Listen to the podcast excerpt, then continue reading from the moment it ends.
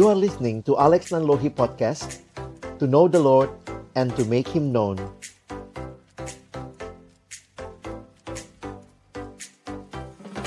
Kita berdoa. Bapa di dalam surga tolong kami agar ketika kami bersama-sama belajar Tuhan menolong kami makin melihat apa yang jadi kebutuhan generasi ini dan bagaimana kami bisa dipakai Tuhan di dalam generasi ini menjadi alat Tuhan bukan untuk menghakimi tetapi merangkul generasi ini bukan untuk membawa mereka dekat kepada kami semata-mata, tetapi biarlah juga mereka boleh dibawa kepada Tuhan. Waktu ke depan kami persembahkan ke dalam tanganmu, berkati hamba yang menyampaikan, setiap kami yang mendengar, juga diskusi di antara kami makin menolong kami memahami apa yang sedang terjadi dan bagaimana kami menyikapinya. Kami bersyukur dalam nama Yesus kami berdoa. Amin. Shalom. Thank you teman-teman yang masih setia hadir. Saya sekali lagi uh, melihat bahwa ini jadi kesempatan kita saling belajar begitu ya. Um,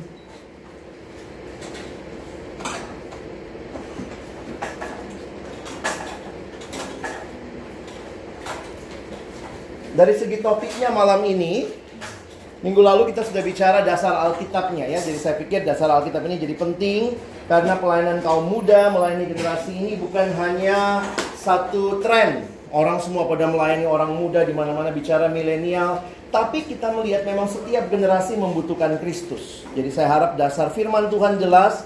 Kalau teman-teman dipanggil Tuhan melayani dalam generasi ini, maka kita punya dasar panggilan yang jelas. Nah, mungkin uh, kita akan masuk minggu ini dan minggu depan. Saya sih lebih mau coba mengajak kita belajar uh, melihat ya apa yang sudah dikerjakan.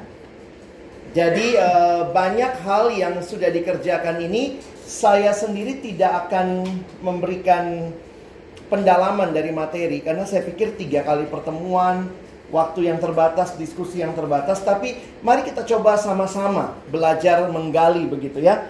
Saya pikir salah satu yang penting uh, malam ini kita mau bicara serving the epic generation. Ini salah satu ikon yang muncul ketika bicara postmodern. Jadi istilah epic generation nanti kita akan coba lihat sampai ke situ. Tapi sebenarnya kerinduannya sama. Jangan sampai pelayanan kita ti menggaruk di tempat yang nggak gatel. Pernah gitu nggak? ya? Saya kalau sama istri terus di belakang gitu, tolong dong garukin gitu ya. ya. Saya pas lagi nonton gitu, pas lagi gatel nih apa gitu, garukin. Nah paling kesel kalau dia garuk di yang tidak gatel, gitu ya.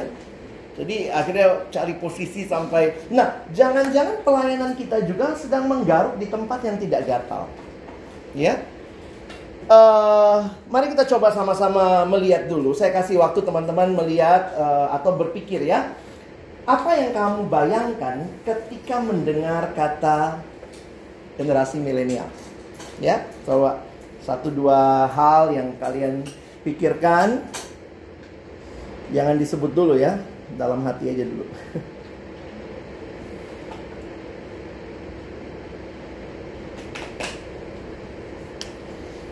Semua punya HP? Ada pulsa? punya HP nggak punya pulsa juga itu kesedihan tersendiri ya. Saya juga nggak tahu ini kita berfungsi dengan baik ke internet kantor kami. Harusnya sih iya ya. Silakan kita akan pakai Menti. Yang belum tahu Menti ya. Coba teman-teman masuk ke www.menti.com. Isi 781397. Menti.com Kodenya 781397 Coba isi apa yang kalian uh, pikirkan tadi Dan kita akan coba lihat sama-sama ya Hah? Tunggu. ini kalau lemot dan ini memang tempat yang agak susah sinyal ya. Saya coba share deh. Pakai wifi cepat. Wifi siapa tapi masalahnya. Perkantas Jakarta. Maaf itu wifi tidak di, tidak disebar ya. Silakan kalau yang mau pakai wifi saya Alex Nanlohi passwordnya sama Alex Nanlohi. Ya, saya cari mudah-mudahan masih ada ya ada. Alex Nanlohi passwordnya Alex Nanlohi. Tadi yang Alex cakep. Tapi saya ganti untuk kepentingan malam ini. Oke, silakan. Belum ada yang masuk? Silakan ketik lalu ketik submit. Sudah pernah pakai Menti? Ah, ambisius. Oke, terus. Baru empat orang.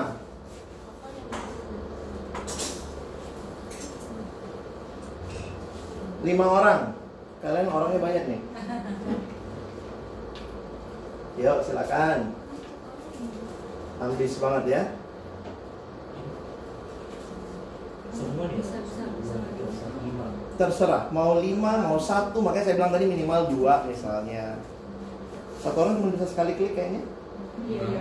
oke berkali-kali bisa Bisa. Oke berarti saya lupa kunci. Mau ini itu masalah saat masalahnya di saya gitu. Gue lupa kunci coy. Oke. Tapi orangnya 17 orang. Kita berapa orang sih? Yang yang orang ya yang orang dulu. Ini orang bukan. Oke ada yang pertama kali pakai menti nggak apa-apa aku aja. Dosa ya.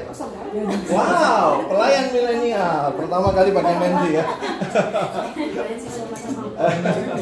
Tapi nggak apa-apa emang dosa nggak pakai menti ya pakai menti nggak pakai menti ya. Oke. Baik. Coba kita lihat dulu. Sudah ya stop sekarang ya. HP-nya taruh dulu. Eh, jangan download Korea dari punya saya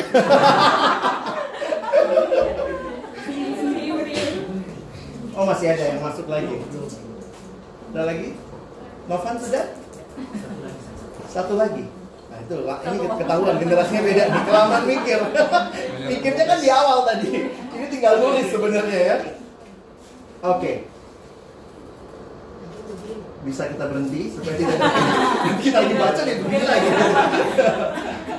Oke yang besar biasanya ada dua tiga orang yang memasukkan. Jadi hurufnya jadi lebih besar ya. Instan gadget.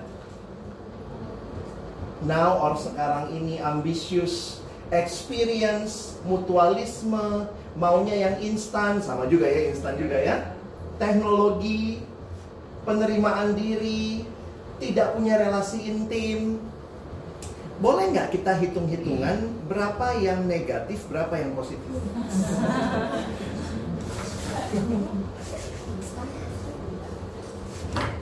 Itu aja kita bingung ya mau masukin instan itu positif atau negatif?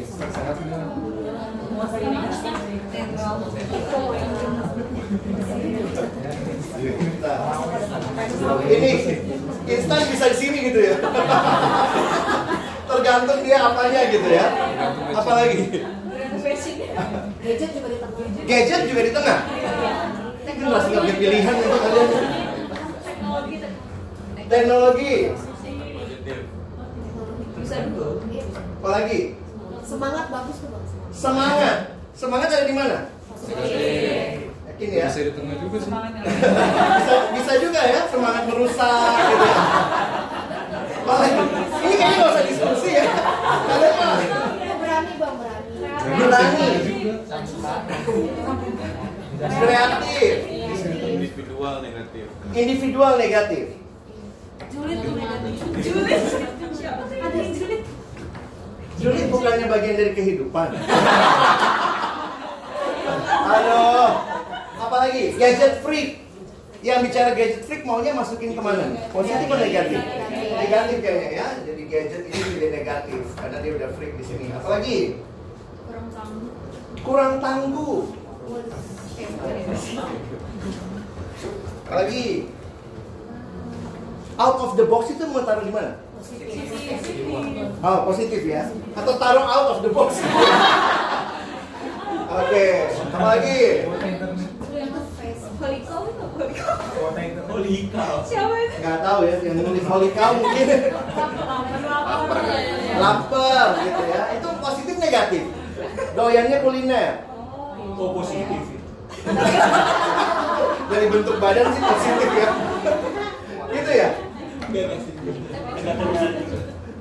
Lagi. Tidak punya relasi intim. Negatif. Is it a good thing? Negatif ya. Apalagi? Kuota internet. Apa itu? Itu juga ibu-ibu juga butuh ya. Relativisme. Sorry, bentar.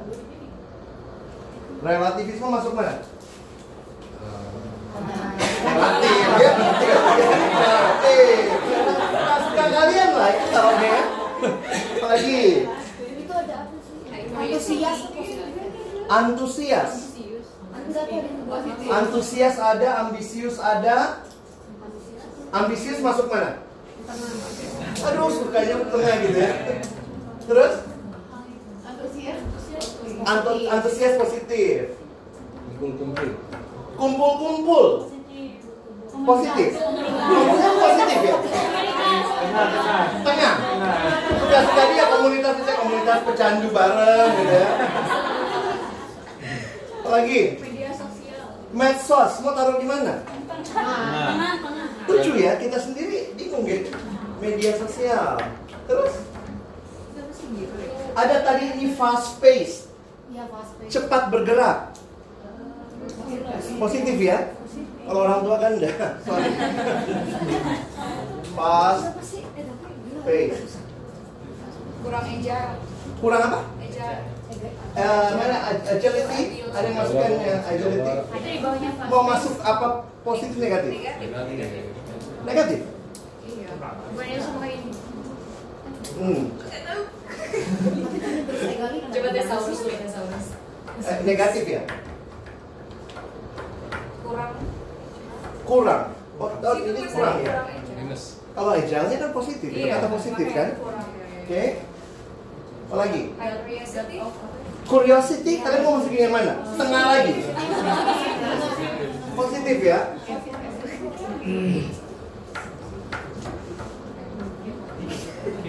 Saya mau tanya nih ya, teman-teman ya. Sekarang kalau lihat begini nih. Ini generasi apa? In between. In between. Banyakan positifnya atau neg- negatifnya?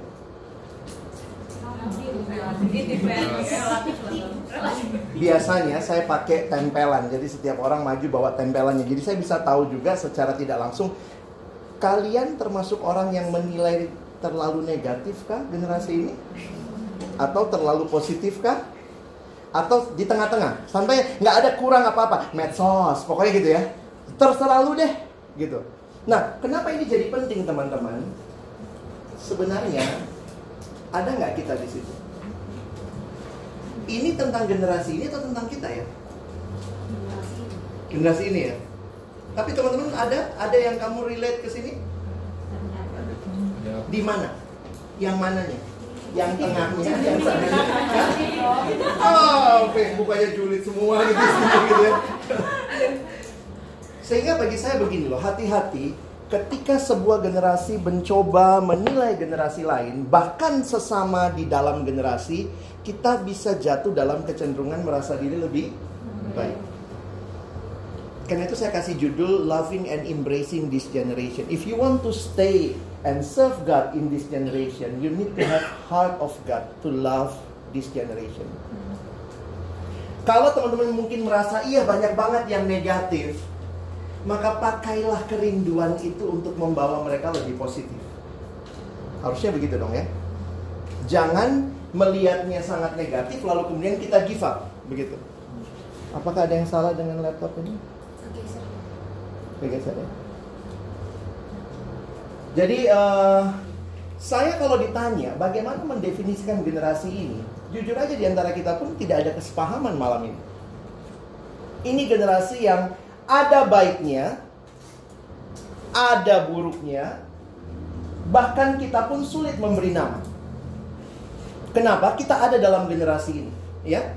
Teman-teman dan saya juga ada di dalam generasi ini. Kita bilang mereka gadget freak, kita juga dari tadi mungkin lihat HP mulu gitu. Kita paling marah kalau wifi mati. Paling marah kalau nggak ada colokan. Dan itu menjadi satu eh, apa ya? Makanya saya semakin belajar tentang buku-buku tentang generasi ini, saya makin melihat hati-hati kita terjebak di dalam mendefinisikan generasi ini hanya berdasarkan satu sudut pandang.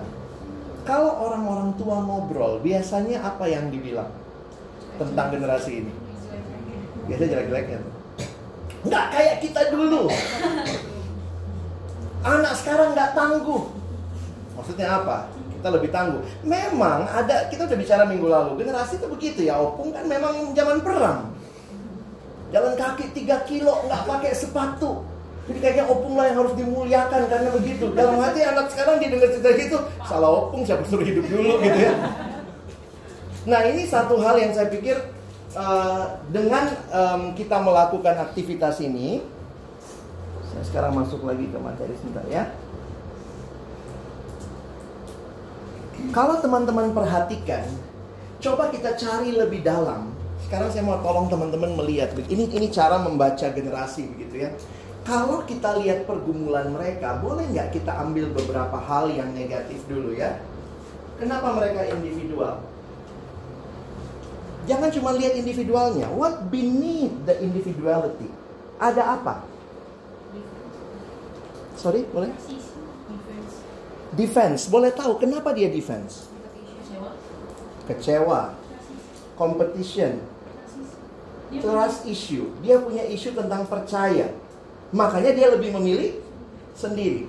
Jadi boleh nggak saya mengatakan dari dari diskusi sederhana ini bahwa individual itu bukanlah sesuatu yang mungkin melekat pada dirinya tapi dibentuk oleh lingkungan juga. Karena itu teman-teman harus survei baik-baik siapa yang kita layani di gereja kita. Jangan kemudian baca buku ini langsung terapkan. Kadang-kadang yang kita lakukan sekarang adalah pelayanan anak muda mesti makin lucu, mesti makin kreatif, mesti makin banyak pakai alat peraga, mesti bagus powerpointnya itu belum tentu menyentuh apa yang menjadi isu mereka. Julid. Ya, yang suka julid. Why? Natur. eh, dasar lo ini mah naturnya gitu ya. Boleh tahu nggak? Oke, kalaupun itu negatif, why? Kita mesti tahu tahu kenapa dia sampai seperti itu. Bisa dapat penerimaan dari orang lain. Berarti ada isu ada isu apa tuh? Ada isu penerimaan ya. Jadi dapat penerimaan. Gimana caranya? Boleh nggak saya tahu? Karena saya kan generasi lama ya. Dengan julid saya dapat penerimaan. Gimana tuh caranya? Coba, coba. Contohnya apa? Adu domba. Maksudnya? Kasih contoh dong yang terakhir kamu lakukan. coba, coba kita coba lihat gitu. Orang julid itu karena mau cari penerimaan, gimana koneksinya? Ada kabar Lebih tahu yang dulu. Sebentar, salah satu ya. Dia nggak lebih tahu dulu. Dia ang- dianggap lebih tahu dulu. Julidnya belum tentu hal-hal yang sangat menyakitkan ya. Ya, oke. Kayak ada musuh bersama atau teman bersama. gitu. Cari common enemy gitu ya. Enemy gitu ya. Oke, oke. Good. Ada lagi? Mau dianggap. Mau dianggap. Kayak, eh, ya itu sama kayak eh, Nih, kita kita akan mendengar pengakuan. Gimana? Karena itu masih abstrak. Coba make it real. Kalau aku Udahlah milenial ngaku deh. Gimana deh? aku sih ketika aku menjelitin orang Heeh. aku ngerasa kayak aku aku memperhatikan orang yang aku julitin Oke. Sebenarnya itu salah satu cara memperhatikan. Jadi walaupun mungkin kesannya karena jujur ya di zaman saya bully itu biasa. Ada nggak yang hidup kira-kira zaman-zaman saya? Bully itu biasa dulu ya. Dulu sekarang dibully dikit jadi isu satu sekolah. Dulu kita panggil-panggil nama bapak. Iya masih gitu ya. Sekarang tuh nggak boleh itu udah dianggap dirundung gitu ya. Perundungan. Jadi kadang-kadang saya mikir gini, oh ini tuh bentuknya anak sekarang, biar nggak dibilang bully, tapi sebenarnya bully juga dalam bentuk yang lain dan itu bisa jadi bentuk perhatian. Ada yang lain? Kenapa orang julid? Apa yang dicari? Balas dendam bisa. Biasanya yang balas dendam itu julidnya di medsos kali ya, karena nggak sanggup di dunia nyata. Coba lihat lagi. Kenapa dia gadget freak? Why? Jangan cuma bilang gadget freak. Kenapa dia gadget freak? Apa yang kalian bisa lihat di sini? Semuanya. Semua ada di gadget. Lebih menarik. Apa? Kurang teman. Gadgetnya temennya. Canduan. Kecanduan. Kecanduan bisa digali lagi. Kenapa dia kecanduan? Karena punya duit buat beli. Apakah karena dia punya duit? Kalau begitu caranya adalah jangan dia punya duit. Nggak, maksudku gini loh. Kalau you know, kalau teman-teman nggak tahu isunya, kamu nggak bisa jawab. Makanya sekarang gini, ada gereja sebelum masuk semua gadget dikumpul. Terus gurunya yang cerita nggak lebih menarik dari gadget. Nangkep maksud saya? Kita pikir isunya gadget. Isunya mungkin di kita. Kita nggak, kita kurang menarik. Bukan berarti kita kemudian lalu caranya kita jadi menarik banget, tapi poin saya begini loh. Hati-hati melihat isu, ah sorry, hati-hati melihat fenomena, karena bagi saya begini. Fenomena itu cuma yang di atas. Teman-teman dan saya harus temuin ada masalah apa di hati mereka sehingga itu lebih menarik. Karena kalau kita tidak menemukan pergumulan mendalam ini, saya takutnya kita kayak pemadam kebakaran. Udah datangnya telat ya. Udah kebakar ya di ke-6 itu ya. Udah semua kebakar baru datang neno neno. Udah pulang dia kebakar lagi kemarin. Saya baca beritanya gitu ya. Ternyata masih ada api yang kadang saya mikir ada ada masalah apa? Dan saya agak takut dengan pola pelayanan kaum muda sekarang yang seolah-olah ngelihatnya gini. Daripada anak muda kita pindah dari gereja kita, kita bikin musik kayak di gereja lain. Semua pindahin JPCC ke gerejanya. Kenapa? Karena itulah fenomena anak mudanya ke JPCC. Jadi bikinlah semua eh, apa eh, MC-nya kayak Semi Simorangkir versi KW KW 12 padahal itu ya. Jauh banget asli ya. Musik begitu rupa, beli drum, Lighting, lighting. lighting, terus nanti ya pakai penari gitu. Tamborin bukannya nggak boleh, tapi hati-hati is that the real issue?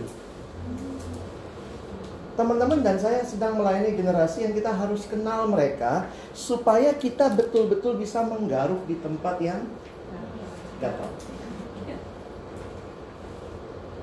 Karena itu kita perlu menggali lebih dalam.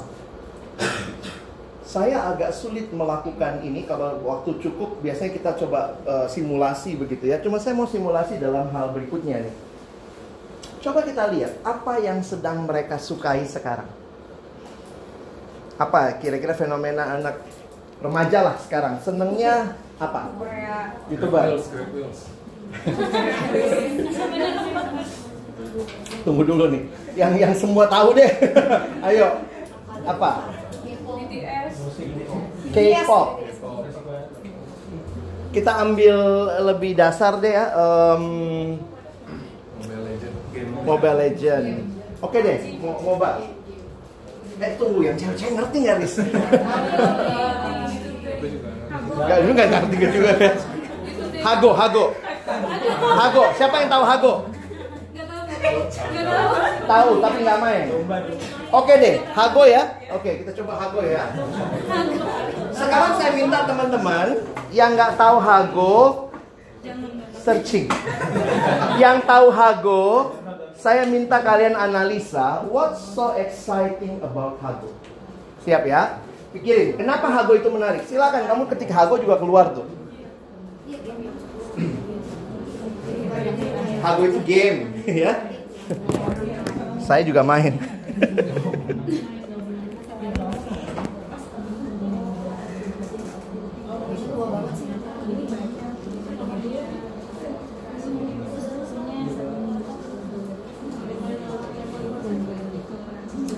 musik anak sekarang di mana? Spotify.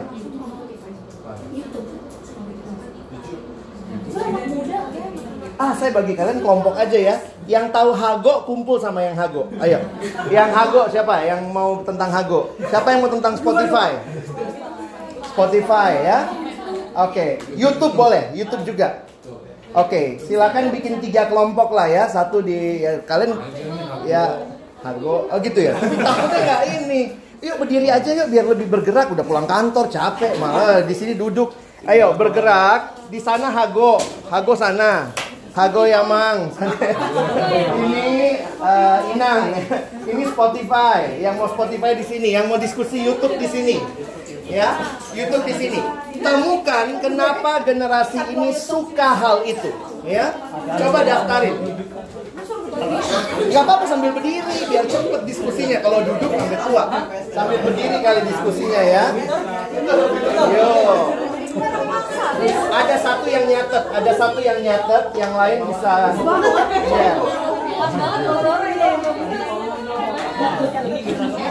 Ini generasi YouTube.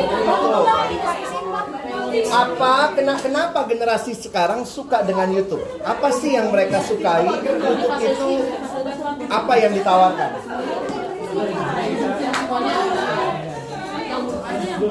Tentuin yang nulis. Lu apa? Coba. Kita nggak, kita. Peter, lebih barbar. Mengapa mereka suka? Tapi coba cari dalamnya ya. Coba cari pencarian jati diri. apa sih at the heart of YouTube? Spotify. Eh, Pencarian jati diri gitu.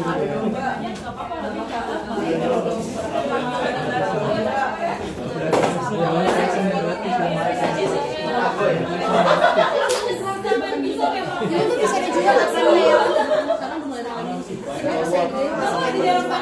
eh, lu temanku, dia bisa baru interaksi sama youtuber dia lihat Instagram sih sama ya bisa kayak iya kasih komen subscribe bisa kayak seolah dia kayak dia kayak kontribusi dalam perjalanan karir itu dia favoritnya gitu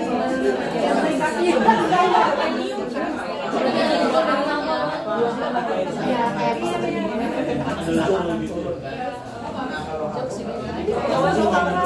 kok yang lain duduk sih iya. Gak apa-apa kalau kalian berdiri. Santai dong. Saya kasih waktu 3 menit. Jadi cepat kumpulin kolek idenya cepet ya, jangan Bang lama. ini mau yang sampai ke dalam-dalam gitu apa cuma fenomena doang gitu? Bang ke dalam gitu fenomena. Ke dalamnya kalau coba temukan at the heart of Menurut gue itu tuh jadi kayak waktu tuh nggak begitu karena kita tuh merasa happy happy karena kita senang apa ya hal yang iya yang kita suka yang kayak temporarily satisfaction gitu Gue sih biasa yang punya itu Padahal kayak seneng aja gitu untuk menghabiskan waktu Iya, kita nggak perlu untuk melakukan sesuatu yang dia tahu kita dan dia tapi jadi tapi soalnya soalnya kan ada soalnya aku pernah dengar kayak kayak sosmed gitu kan aku sebenarnya tahu lu mainnya apa? mendesain Gue bisa 20 30 kali menang ya itu. itu Oh, aja. dan mereka memang merancang Satu menit lagi. ya dengan algoritma Menjadi kaya. bisa jadi apa ya bisa sebenarnya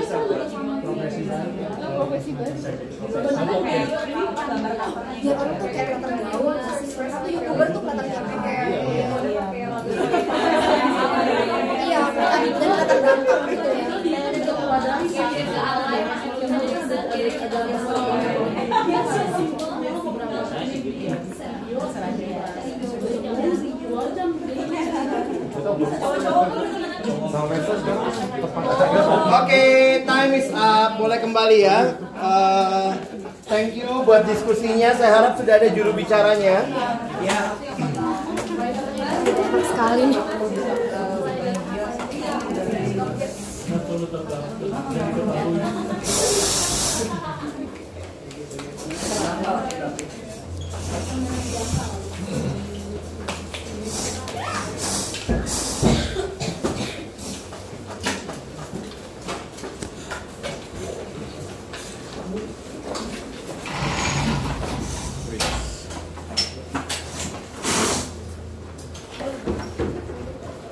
Oke, boleh tahu dari eh, siapa juru bicaranya dulu?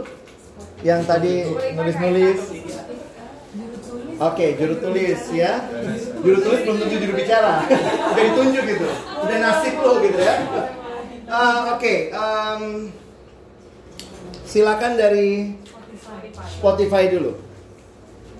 Eh, kalau tadi sih yang pertama eh, update sama lengkap ya karena kan anak sekarang kayak Lengkap maksudnya apa? Dari zaman dulu juga ada. ya Oh, lagunya ya. ada ada lagu ada podcast sumber informasi gitu sih lebih ke arah gitu Oke.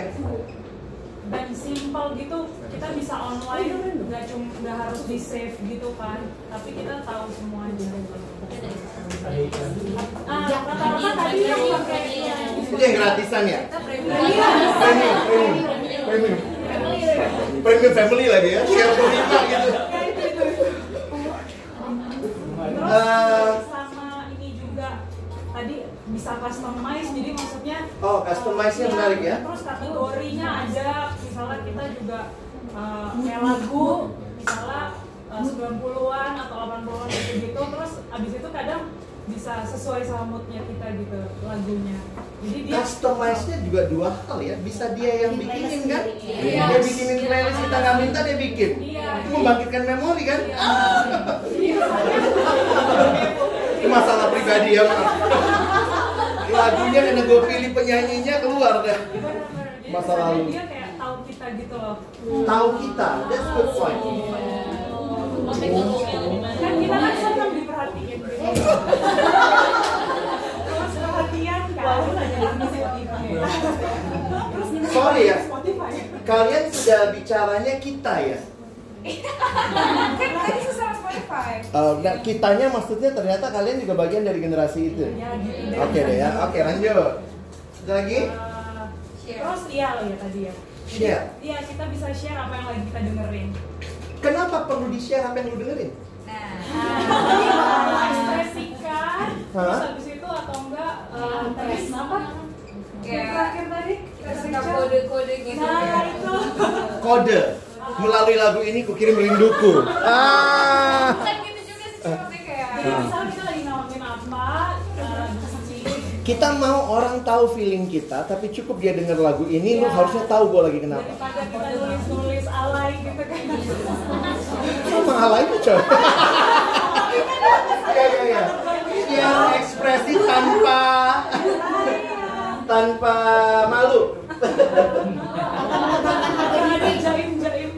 Oh, gitu ya? Kan jual mahal. Ya mahal karena kalau jual murah Spotify premium. Yuk ya. Eh, Oke, thank you. Ada lagi yang mau tambahkan dari kelompoknya tadi? Cukup ya.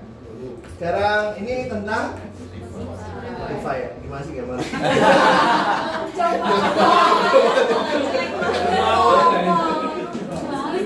Ini kayak perusahaan teknologi IT&T gitu ya. Next apa? Ah ini TV rusak gitu ya. Silakan. Yang, yang pertama semuanya ada sesuai tema apa pun kita mau dari beauty, fashion, K-pop, film, sampai horor-horor gitu semuanya juga ada lah. Sampai Mungkin perlu dicari juga mungkin opung gua ada di situ. Masa lalu kan, "Wih, opung ada ternyata. Eh, nanti 20-30 tahun depan an- anak cucu kita bisa nyari kita di situ ya. Trace record gitu. Apalagi? Uh, terus gampang gitu maksudnya kita mau cari apa tuh tinggal gampang banget pokoknya kita mau cari apa pun tuh udah ada tinggal search aja terus yang ketiga mirip sih kayak yang Spotify itu ya kayak ada algoritmanya khusus gitu kan dan itu Oke. seperti mengenali diri kita bahkan kayak kita bisa mencari jati diri kita siapa kita dengan lihat YouTube kan bisa kan lihat wall YouTube tuh kita bisa tahu oh ini orang kayak gini oh dia suka ini suka ini gitu Siapakah kitanya itu yang nawarin alur, uh, alur- algoritma algoritmanya siapa? YouTube. YouTube-nya ya. Itu masalah mainan big data sekarang ya. Dia bisa tahu nih lu suka dengerin apa, berapa kali yang nonton film Susana zaman dulu muncul lagi tuh tiba-tiba Susana gitu ya.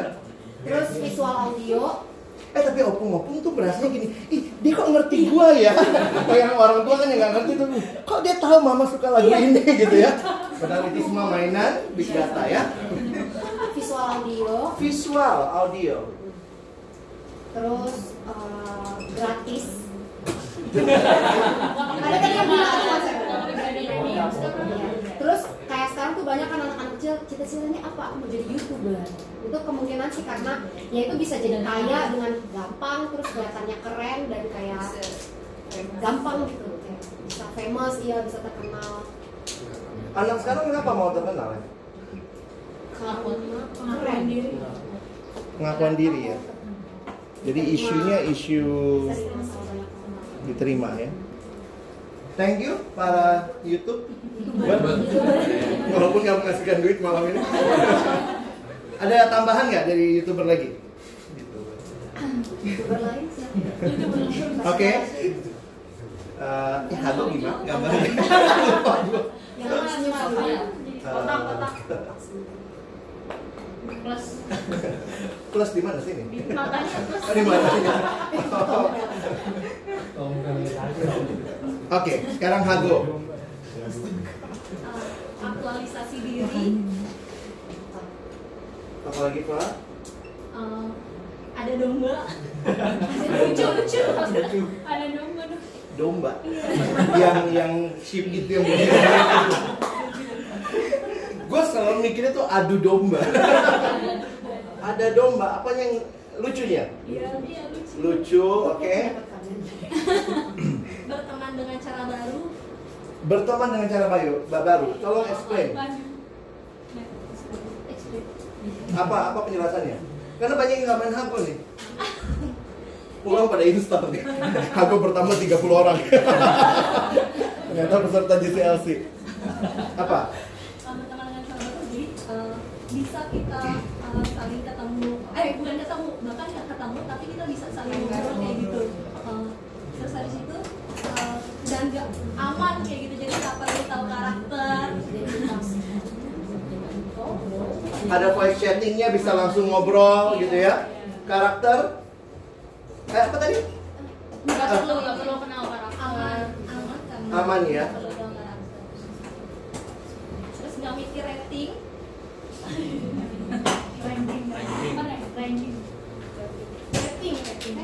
rating ya jadi karena nggak kalau misalnya kayak Mobile Legends kalau ngamen kan turun kayak gitu jadi kan ranking ranking ranking ranking Hmm, terus? Eh, tadi cari jodoh Oh. Lagi. Nggak nggak panjang pengalaman nggak susah Tidak tidak panjang gamesnya. Paling lama 5 menit 10 menit 5 menit 10 menit paling lama. Gamenya simple. Tidak time span-nya nggak panjang. gampang Gampang. Terus apa lagi? Berapa banyak gamenya? Banyak banget. Banyak pilihan. Apa lagi? Ada lagi Pak? Habis? bisa sombong Iya, iya. Gua tadi ya. Kenapa bisa sombong? Karena berapa kali kita menang bisa di-share. Iya. Ya? Bisa sombong. Ini masa aktualisasi dia nih maksudnya ya. Dia itu atas. bisa invite teman sendiri Bisa invite teman sendiri. Jadi bisa buat komunitas sendiri.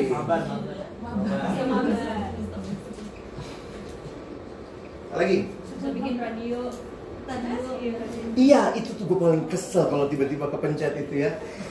Karena ada yang cuma lagu, terus ada yang teriak-teriak gitu kan. Gak pernah buka bagian itu ya. itu bagian cari pacarnya di situ. Eh, bisa siaran sendiri ya. Jadi itu siaran udah kayak orang gila aja teriak-teriak. Baiklah kita dengarkan lagu berikut gitu ya. Iya. Gue pengen tuh masukin lagu rohani, rohani dia lu dengerin gitu ya. Emang lu doang bisa gitu ya. Iya, yang nggak yang belum main hago pulang main main nih. Pengen tahu. Ada lagi? tampilannya Tampilannya bagus dari aku nggak pernah main. Tampilannya simple tapi uh, sophisticated lah. Bukan game ecek-ecek gitu. Iya. Jadi itu itu menarik tuh ya. Dan tampilannya juga ya bagi ya oke lah tampilannya.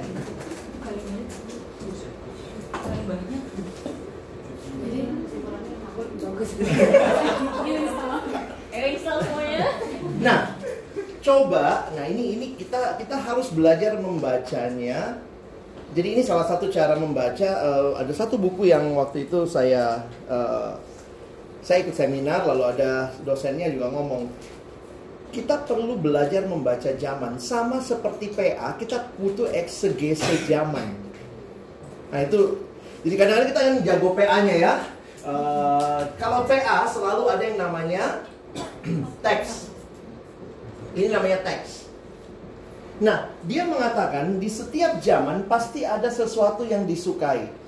Sesuatu yang jadi highlight misalnya. Nah, kita pun harus bisa membaca, nah ini kalau bahasa sekarang trend. Cultural trend. Kita harus belajar cultural exegesis. Kita harus bisa PA-kan zaman. Dan itu juga menjadi salah satu hal yang teman-teman harus tolong anak sekarang miliki. Kalau nanti mau masuk ke dalam Bang, apa kira-kira materi buat anak sekarang? Nanti kita bisa lihat ya. Salah satunya juga adalah menolong mereka menemukan atau bisa membaca zaman. Se- Setiap teks, ini kalau pakai bahasa sederhana aja ya, itu ada yang namanya pre-text. Kalau PA, siapa penulisnya, ditulis di mana, ditulis kepada siapa, bagaimana bentuk penulisannya, kenapa dituliskan, itu semua namanya pretext. Lalu kemudian ada teksnya, lalu ada post text. Post text ini lalu apa aplikasinya buat kita? Nah sebenarnya kalau kita terampil, setiap zaman pasti punya tiga hal ini. Sadar apa tidak? Makanya saya bilang sama teman-teman tadi, jangan cuma lihat fenomenanya, ini trennya. Ini gamenya. Tapi saya lihat bahwa orang-orang yang sangat teliti membaca zaman ini sayangnya bukan gereja, tapi orang periklanan. Orang game developer. Mereka sangat bisa membaca apa yang diinginkan generasi ini. Saya sudah nggak kebayang tuh ya, mana mungkin anak-anak mau main game yang panjang. Ada beberapa gelintir anak yang seneng game yang panjang. Waktu lihat Hago, lu mau panjang bisa main ludo sendiri, nah, itu panjang banget. itu. Tapi lu mau yang cuman satu menit setengah, ada. Lu mau cuma 90 detik, ada. Nah itu semua jadi kayak dia provide options. Nah sebenarnya dengan apa yang ada di yang lain pun, salah satu yang muncul berulang kali adalah semua ada. Semua lengkap. Nah, coba teman-teman, saya kasih waktu sebentar. Coba kalian lihat dari ini, baca apa yang menjadi paling nggak pretextnya generasi ini. Apa sih sebenarnya yang menjadi at the heart of their problem? Karena ini masih, ini ada yang sudah termasuk, ada yang masih fenomena nih. Saya kasih waktu sekitar 2 menit, baca lagi, lalu temukan, nanti kita coba brainstorming lagi ya ini generasi yang apa? Ini kita baru pilih tiga hal doang ya.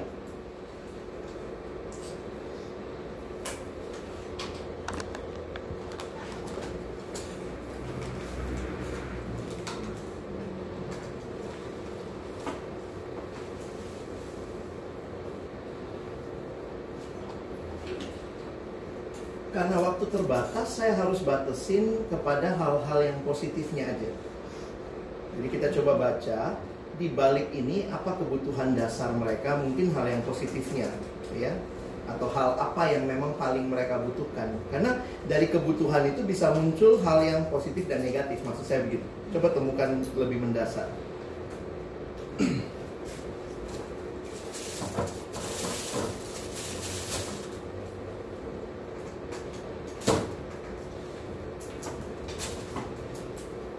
Ada yang mau coba?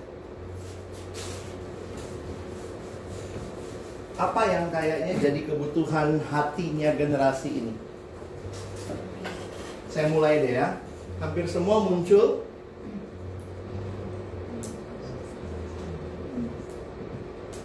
atau perasaan ingin diterima.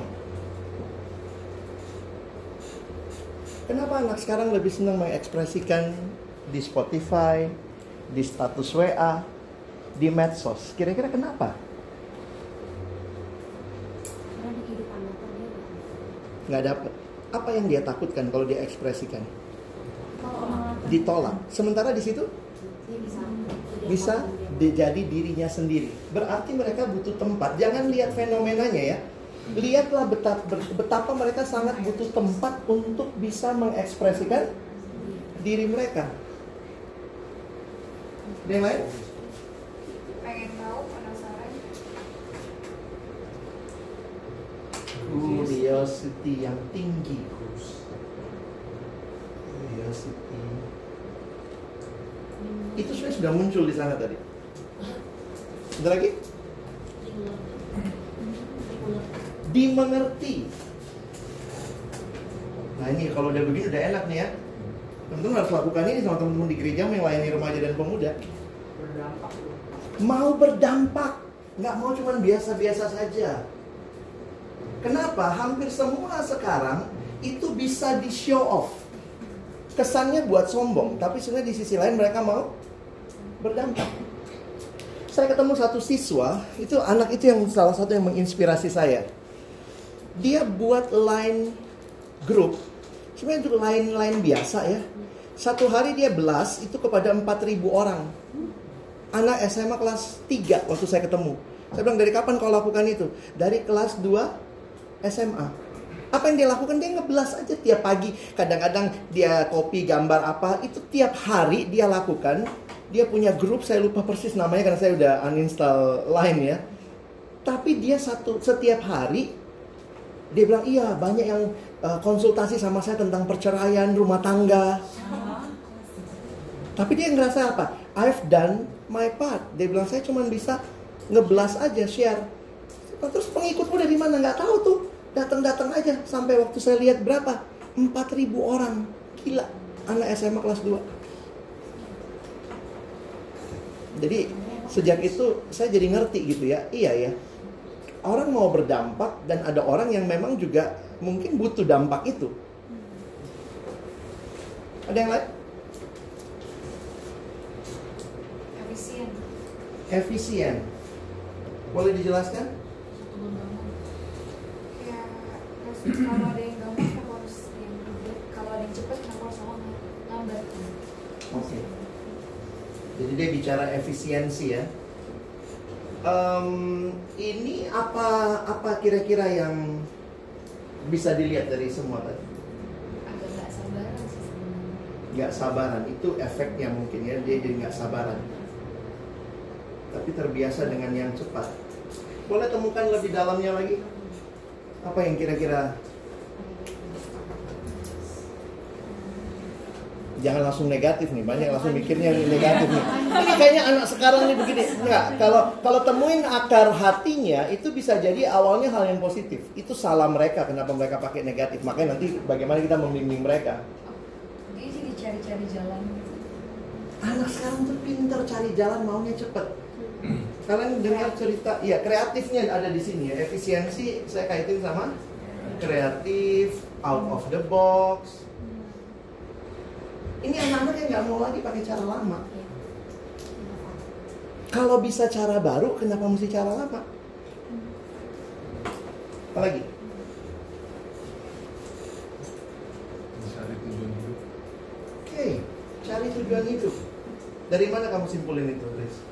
Um, basically mungkin itu semacam uh, jadi alasan sama sebab ya, jadi penyebab sih maksudnya kadang uh, karena nggak punya tujuan hidup ya melakukan hal-hal yang unquote mungkin nggak nggak berguna dengan segala hal ini atau juga orang-orang kadang melalui hal kayak gini kalau tadi konteksnya itu mungkin ya cari as simple as mau gede eh, pas udah gede mau jadi apa bisa dari itu jadi Hmm. mencari kira-kira gue gede mau jadi apa ya cita-cita gue apa ya kayak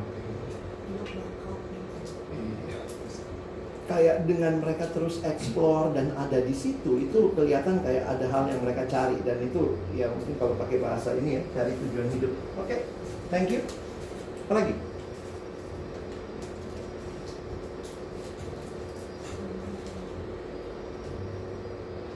Anything else? Makna. Boleh tahu simpulkannya dari mana? Ini salah satu filsuf kita. Filsuf ini. Kenapa makna? kepikir ini salah satu yang salah atau salah satu hal penting yang pengen dicari di di zaman sekarang bukan di zaman orang tua orang tua dulu yang berperang kayak gitu adalah makna sih kayak gitu dan eh, semua tuh kenapa ada aktualisasi diri yang gue lihat kan mereka tuh sebenarnya mencari signifikansi hidup buat apa sih gue ada Ini ya, Kayak kaitannya ya. hidup mirip-mirip kayak gitu. Makanya kayak misalnya ada penderitaan maknanya apa nih dari gue putus eh, pacar kayak gitu gitu semua tuh cari maknanya karena kalau misalnya kejadian hanya lewat begitu doang kok kayaknya sedih banget hidup ini ya.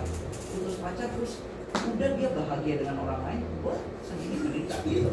Maknanya apa nih yang bisa gue pelajari? Apakah apakah dengan demikian berarti jangan bilang anak sekarang nggak nggak punya pe- perenungan yang dalam tentang hidup ya? Iya. Mungkin dia polanya bukan merenung, tapi polanya adalah coba lagi, cari lagi, explore lagi. Kalau hidup cuma kayak begini, ngapain sih hidup? Why? Karena saya pikir itu belum berhenti orang bertanya, karena selalu pertanyaan tentang eksistensi diri. Satu dua hal lagi sebelum kita ini kalau digali ini bisa lama nih. Saya kalau training semua yang lama di sininya. Karena kalau kalian nggak masih lihat fenomenanya, kita belum ketemu akarnya. Kita mau layani mereka apa? Suka prestasi Suka prestasi? Apa akar prestasi? Ya masalahnya ada di sini juga ya. Iya. Suka prestasi tapi tidak suka dibandingin. Sehingga lihat anak sekarang tidak beda selama dulu. Dulu 45 orang sekelas di ranking, siapa nomor satu, siapa ranking paling akhir. Anak sekarang sistem sekolah pun sudah beda. Kamu star dalam matematik. Tapi sebenarnya kamu anjlok di dalam yang lain gitu. Sehingga semua orang dapat starnya. Nah saya lihat Hago baca itu. Dan saya nggak tertekan main Hago. Kenapa? Saya adalah star di dalam dua permainan utama. Fruit, fruit slice, sama yang lempar-lempar knife. Saya jagonya di situ. Tapi saya nggak ngerti tuh kalau yang apa mancing-mancing, apa eh, di- diundang dia main apa? Eh, saya diundang mereka ya. Akhirnya saya juga tahu dari mereka. Jadi saya coba juga apa sih yang dicari. Nah saya sering kali merenung begitu. Kenapa? Karena saya terpengaruh dengan satu quote begini. If you want to speak to this generation, you need to listen more. Kalau kamu mau bicara bagi generasi ini, belajar dengar dulu. Kadang-kadang kita karena merasa kita punya isi yang baik, kita mau ngomongin semua. It's good, but you need to listen more and listen not only to the things outside in the service, but listen to their need, their heart. Jadi ya mungkin agak beda kalau teman-teman datang ke sini berharap dapatnya tips and trick melayani generasi ini, bagaimana bikin eh, lagu pakai eh, tari-tarian gitu. Karena saya pikir sorry to say bisa jadi itu it doesn't work. Mungkin itu bukan hal yang perlu lagi kita kembangkan lebih jauh, tapi kita perlu menggali lebih dalam untuk melayani generasi ini. Dan saya pikir ini seperti misionaris teman-teman. Apalagi kalau kita makin beda umurnya ya. Kita dulu suka pikir misionaris itu oh yang datang dari Amerika, yang datang dari Eropa. Tapi untuk melayani generasi ini, beberapa buku yang saya baca dia katakan you need to be a missionary. Khususnya kalau kamu makin tua dan kamu memilih tetap dalam pelayanan remaja. Saya nggak tahu nih, kalian masih tetap mau dalam pelayanan remaja 10 tahun ke depan? Saya paling tidak sudah 21 tahun ada di pelayanan ini. Saya memilih ada di sini. Saya udah merasa diri saya misionaris. Kenapa? Saya datang ke kultur yang baru. Saya mesti belajar bahasa yang baru. Bahasa apa? Saya nggak ngerti itu julid apaan. Saya searching, saya cari. Saya nggak ngerti lagi. Maksudnya, kalau saya masih mau bertahan di generasi ini, kadang-kadang saya juga mikir gitu ya. Saya staf siswa, tapi ketemu siswa jarang. Pelayanan ke siswa sering sih ya, tapi dari mimbar. Saya megang KTB, KTB Pasutri sekarang.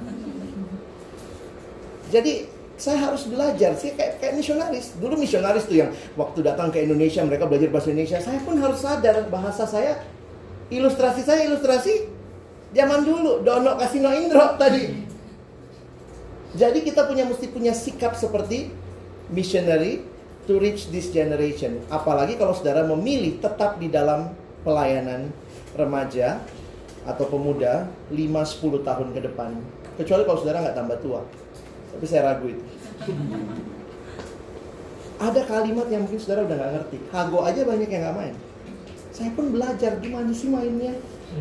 Akhirnya saya belajar tertati-tati tiba-tiba lagi satu waktu saya ingat lagi rakar saya main gitu gara-gara lu tuh.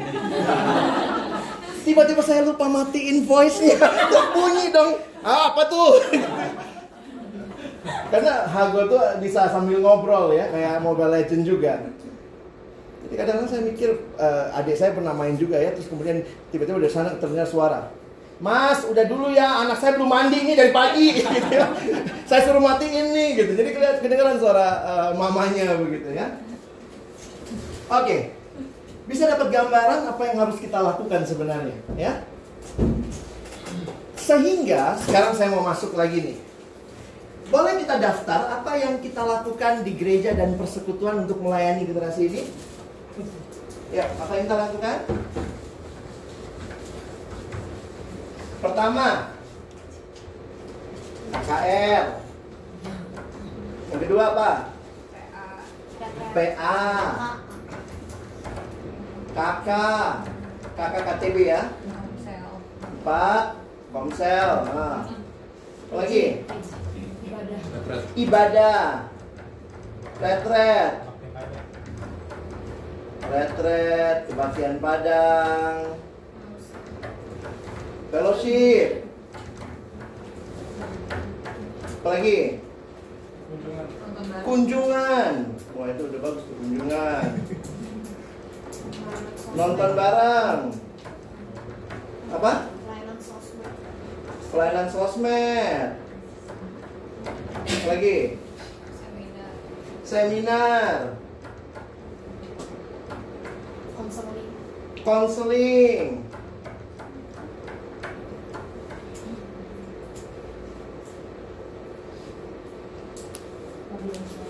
Paduan suara jangan lupa loh. Paduan suara. Gue nih, gak enak nih. Kor. Apalagi? Kalau di kampus persekutuan doa. Jangan lupa loh, anak kampus juga milenial loh. Pelayanan kita masih begini kan? Buletin. Buletinnya masih di fotokopi. Rapat. Hmm. Kalau udah jadi pengurus gitu ya.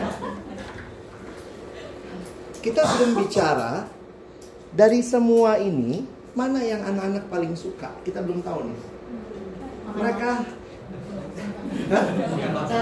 jalan makan gitu ya. Poin saya begini. Kalau ini kebutuhan mereka, jangan lihat yang sana ya. Ini acara kita nyambung nggak?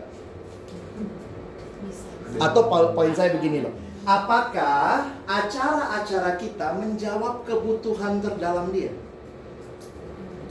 Haruslah kita bilang masih. Kalau enggak kita udah berhenti melayani ya. Tapi jangan-jangan makin lama kita makin nggak diminati. Kenapa? Ini lebih menarik nih.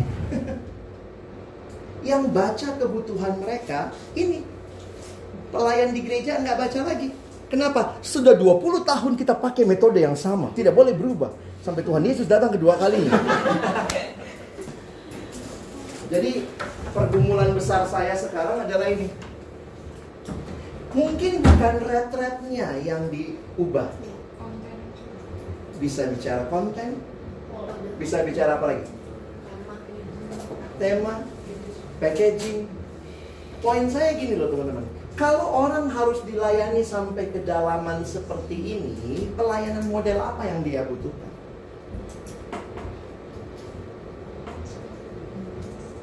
Pri, pribadi.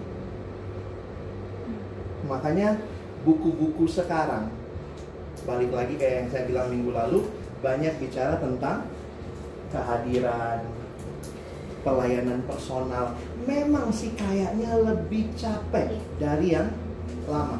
Yang lama saya diundang KKR kayaknya semua bertobat gitu ya. Pulang semua berubah, minggu depan udah bersaksi di gereja. Ini dia di KKR ini kita yang bertobat.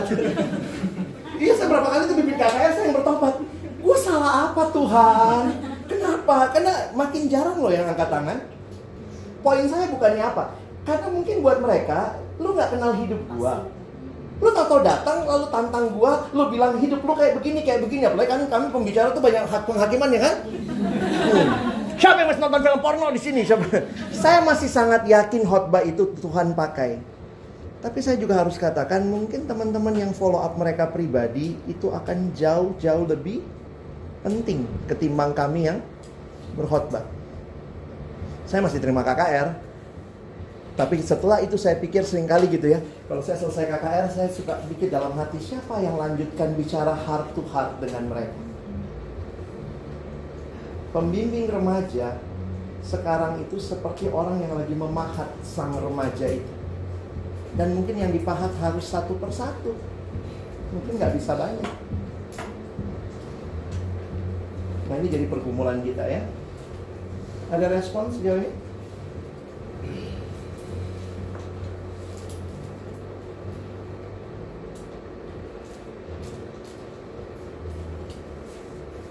Ini jelek banget kantor kami sore ya saya. Kalian lihatlah isi-isinya.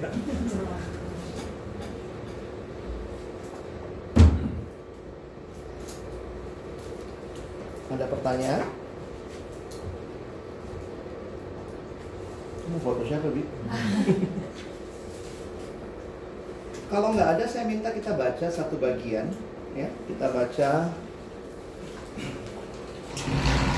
Ini yang kami pakai di pelayanan siswa senasional. Coba teman-teman baca sebentar Lukas 24 ayat 13 sampai 35. Lukas 24 ayat 13 sampai 35. Coba baca sekilas dengan pertanyaan begini. Daftarkan minimal lima hal, ya.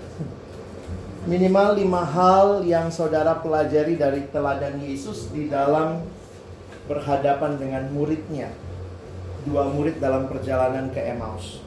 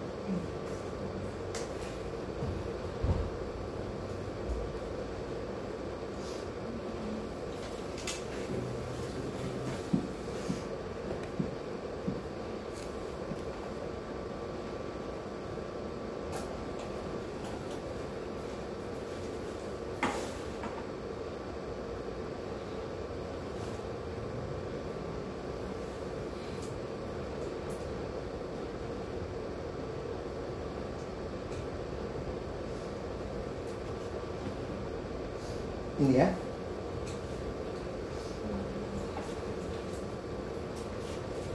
Coba baca dengan cepat saja supaya teman-teman bisa lihat hal yang Yesus lakukan, teladan yang Yesus berikan dalam melayani.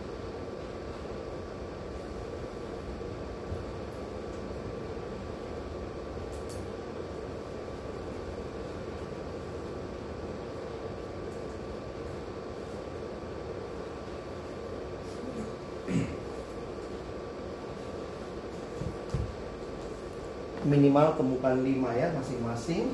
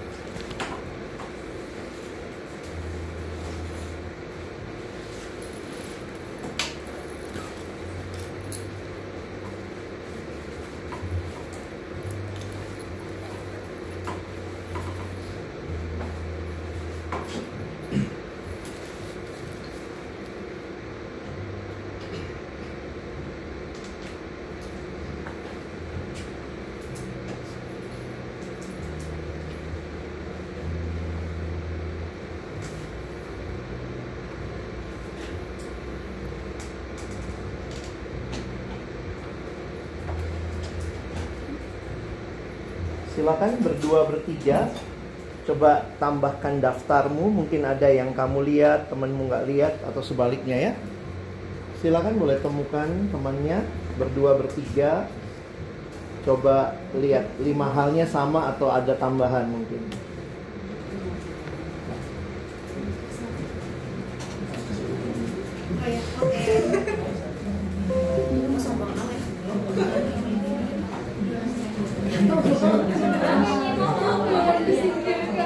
Saya kasih waktu 3 menit ya. Silakan langsung diskusi aja.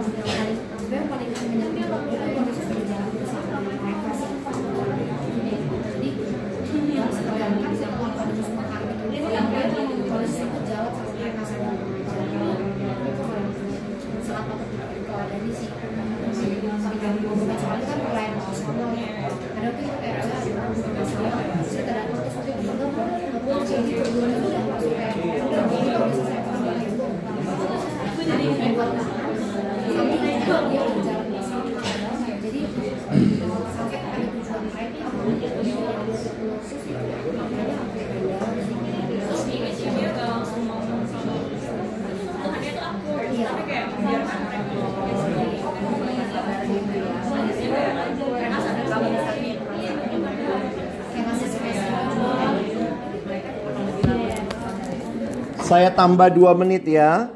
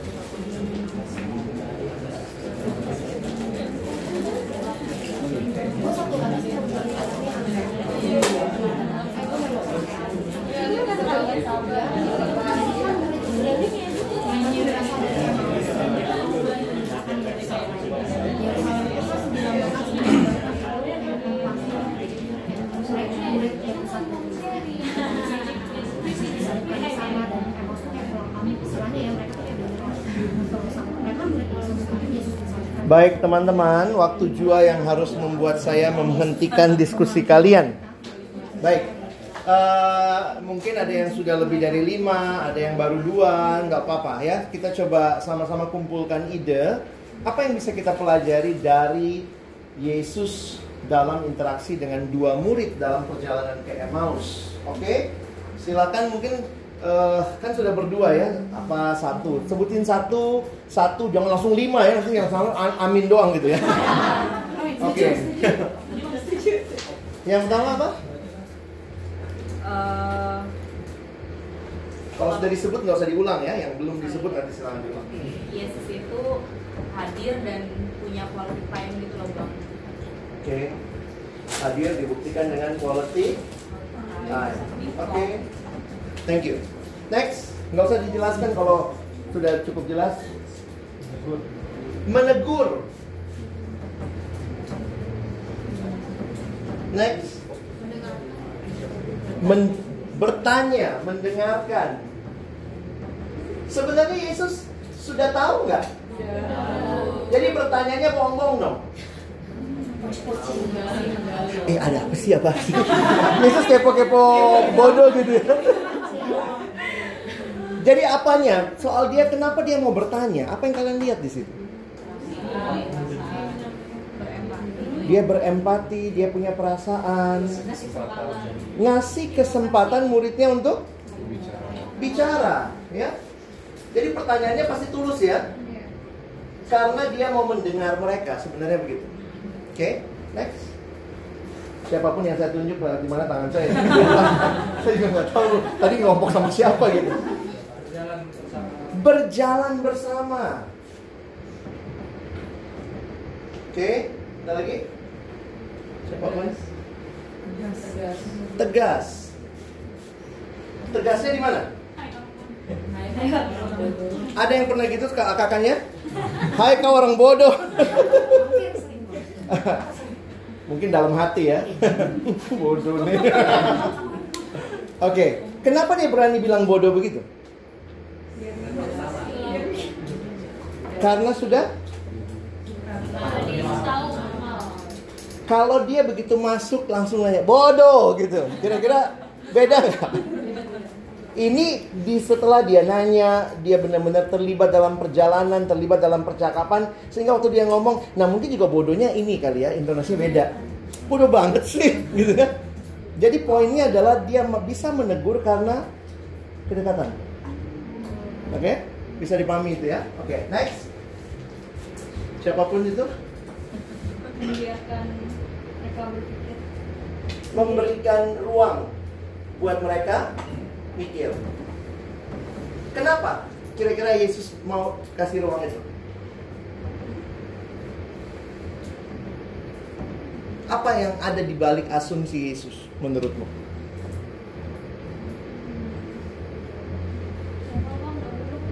Apa? Oh. Naif sekali. Apa? Kenapa dikasih ruang untuk mikir kira-kira? Ini kalau yang saya baca pasal Hmm. pasal 28 Hmm. Hmm. kan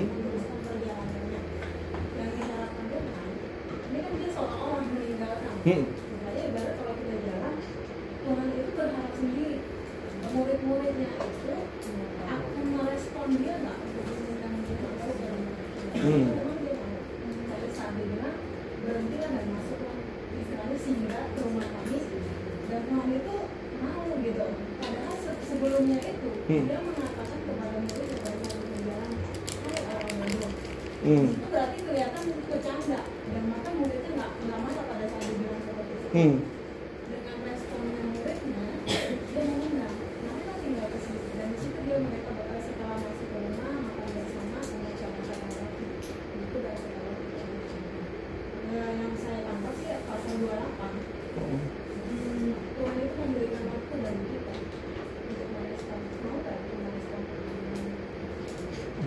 langsung maksa. Kamu harus begini no aku, aku mau masuk. Aku mau masuk gitu.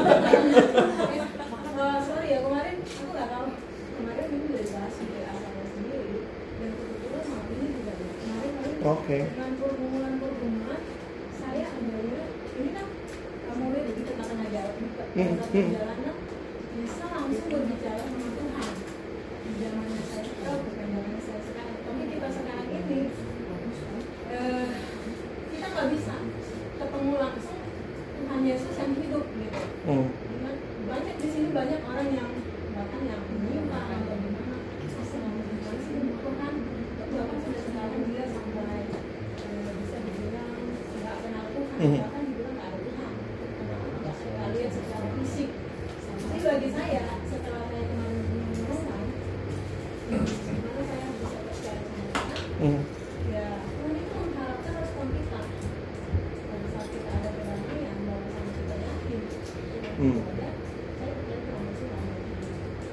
Kalau dibawa ke pelayanan kita kepada orang muda, teman-teman biasa nggak memberi ruang mereka berpikir? Atau di kelompok-kelompok kecil kita lebih banyak kita yang ngomong? Coba periksa lagi kelompok kecilmu, siapa yang banyak ngomong? Dan saya agak ragu kamu sedikit ngomong. Karena generasi yang tua selalu merasa I know everything. Nah, poin saya sebenarnya gitu. Yesus tahu bahwa mereka tahu sesuatu. Itu asumsi penting membina orang. Hati-hati kita merasa dia tidak tahu apa-apa, dia datang sebagai bencana, bencana kosong, kitalah segala-galanya. Saya bisa aja sesi ini langsung kasih tahu semua, tapi saya mau kontribusi teman-teman. Saya pakai teknologi yang namanya Mentimeter sehingga itu bukan saya yang menemukan, kalian yang temuin. Saya kasih waktu mikir, padahal saya udah tahu pasti hasilnya itu. Saya udah berkali-kali lakukan ini. Tapi saya tahu kalian punya sesuatu dan kalian punya Nah, itu itu sikap yang saya pikir hati-hati kita membina orang muda tapi ternyata kita nggak kayak Yesus. Kita tidak kasih waktu mereka berpikir, kita tidak mau dengar masukan mereka. Yang ada adalah kau dengar masukan saya. Nah ini ini masalah penting di dalam pelayanan saat ini. Eh, saya datang ke satu kampus, saya diundang, lalu kemudian saya di- saya ditanya, abang untuk tema ini abang butuh berapa lama? Saya bilang saya butuh satu setengah jam. Saya gandeng teman staff yang muda, yang lebih muda untuk melakukan fasilitasi sehingga acara itu satu setengah jam. Staff yang muda ini melakukan fasilitasi. Nah, yang saya lakukan tadi itu namanya facilitating. Saya memfasilitasi semua bicara.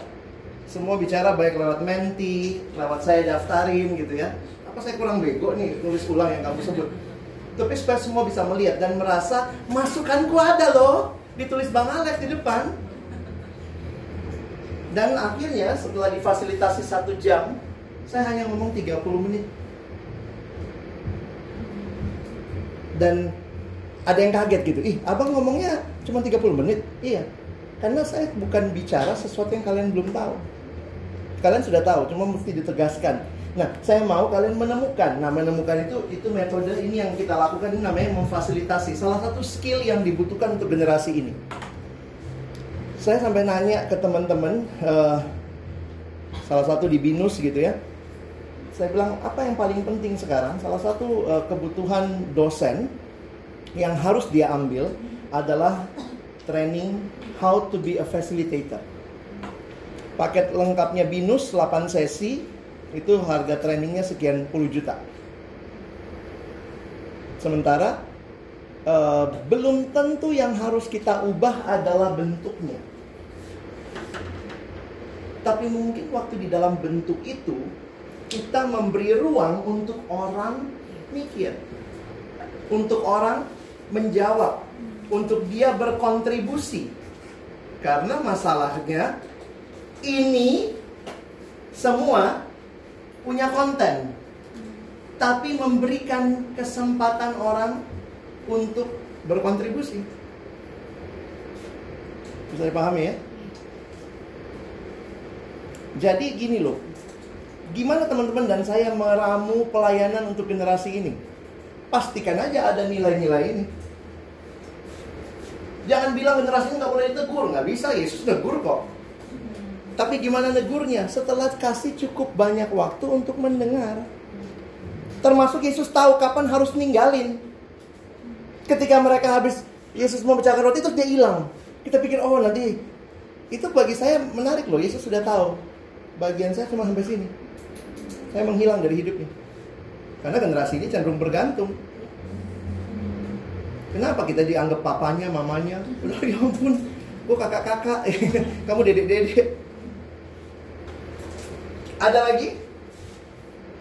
Sorry ya, saya langsung bolak-balik antara aplikasi sama nilai-nilai ini. Ada lagi nilai yang teman-teman?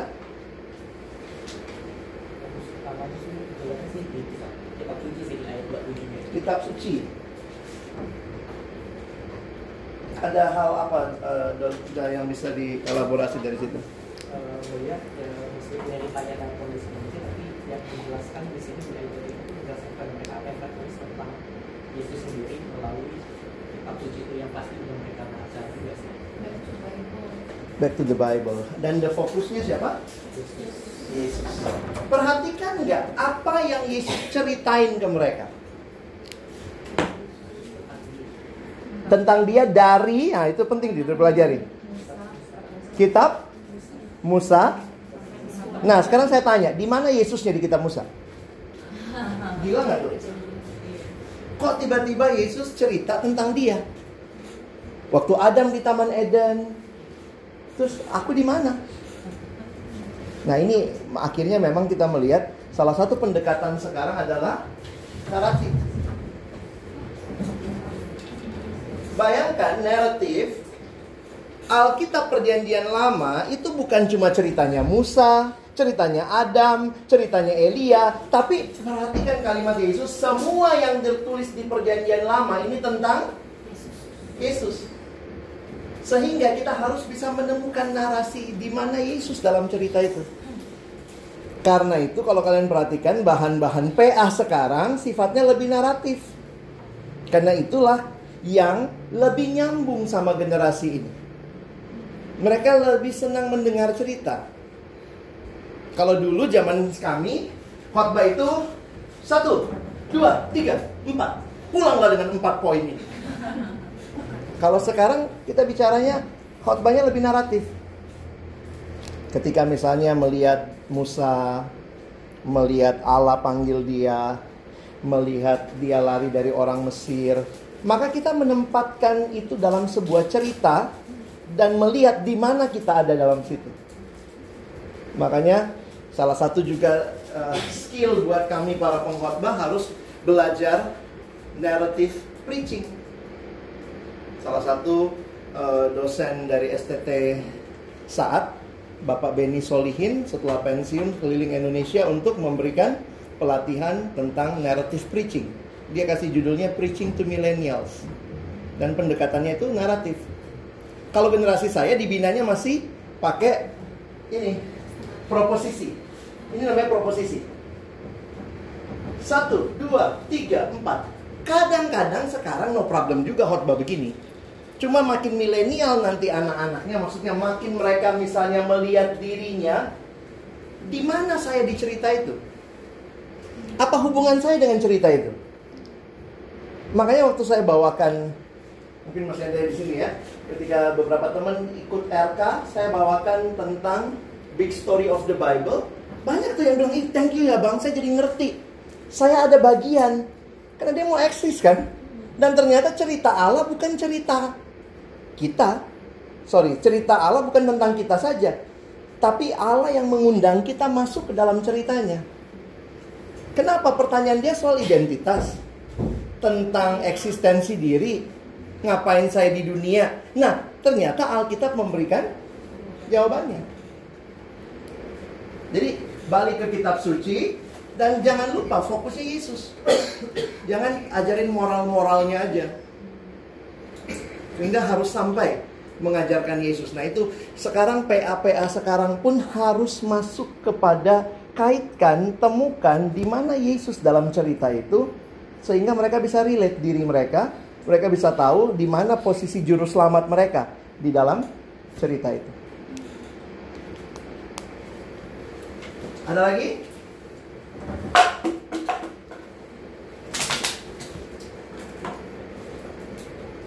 Eh, di ayat yang pertama. Hmm.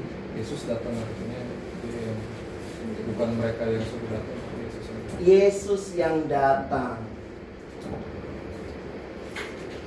Ini semua sebenarnya siapa yang datang ya? Aku yang datang tidak. Yang datang ini ya hadir di ruang-ruang kita. Terus kita di gereja nunggu orang datang. Em, saya langsung masuk lah ya waktu saya sudah masuk ini ya. Saya tinggalkan sebentar. Ketika kami bergumul untuk pelayanan siswa ke depan dalam rapat staf siswa kita juga akhirnya menyadari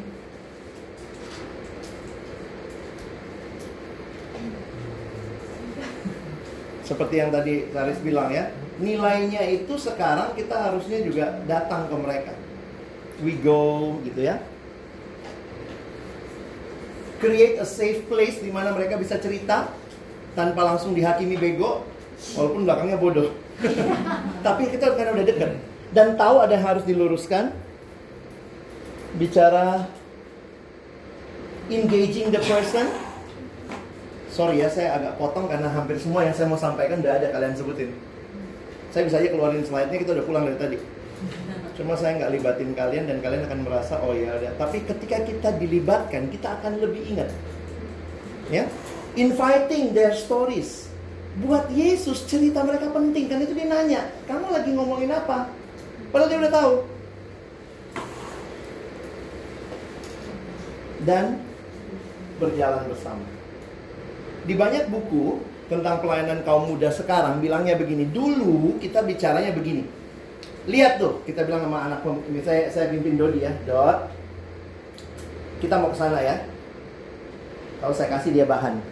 Kau baca ini, ketemu saya di sana ya. Itu cara membimbing zaman dulu. Dan anak dulu digituin bisa. Baca map pinter. Baca buku sendiri oh nyampe sana. Anak sekarang Dot, kita mau ke sana. Yuk, jalan bareng. Saya temenin kamu sampai ke sana. Itu gambaran journeying with the person. Yang waktu saya renungkan, teman-teman ingat kan, ini metodenya Yesus. Ini yang Yesus lakukan dengan murid-muridnya. Ternyata 2000 tahun kemudian, ketika kita melihat KKR-KKR kok makin tidak diminati, maka kita mesti balik lagi pelayanan ke Yesus. Ini bukan hal yang baru kok. Generasi berganti, lihat Alkitab, hikmatnya ada di sana. Kita bisa melayani generasi ini, kita kembangkan nilai-nilai seperti ini. Karena itu jadi pertanyaan begini, apa yang mesti diubah? Mulai orang bingung, kalau melayani generasi ini mesti ubah apanya nih? Kalau kita mau loving and embracing this generation, saya lihat kayaknya kita butuh attitude-nya yang berubah. We need more changing of attitude than just changing the methods.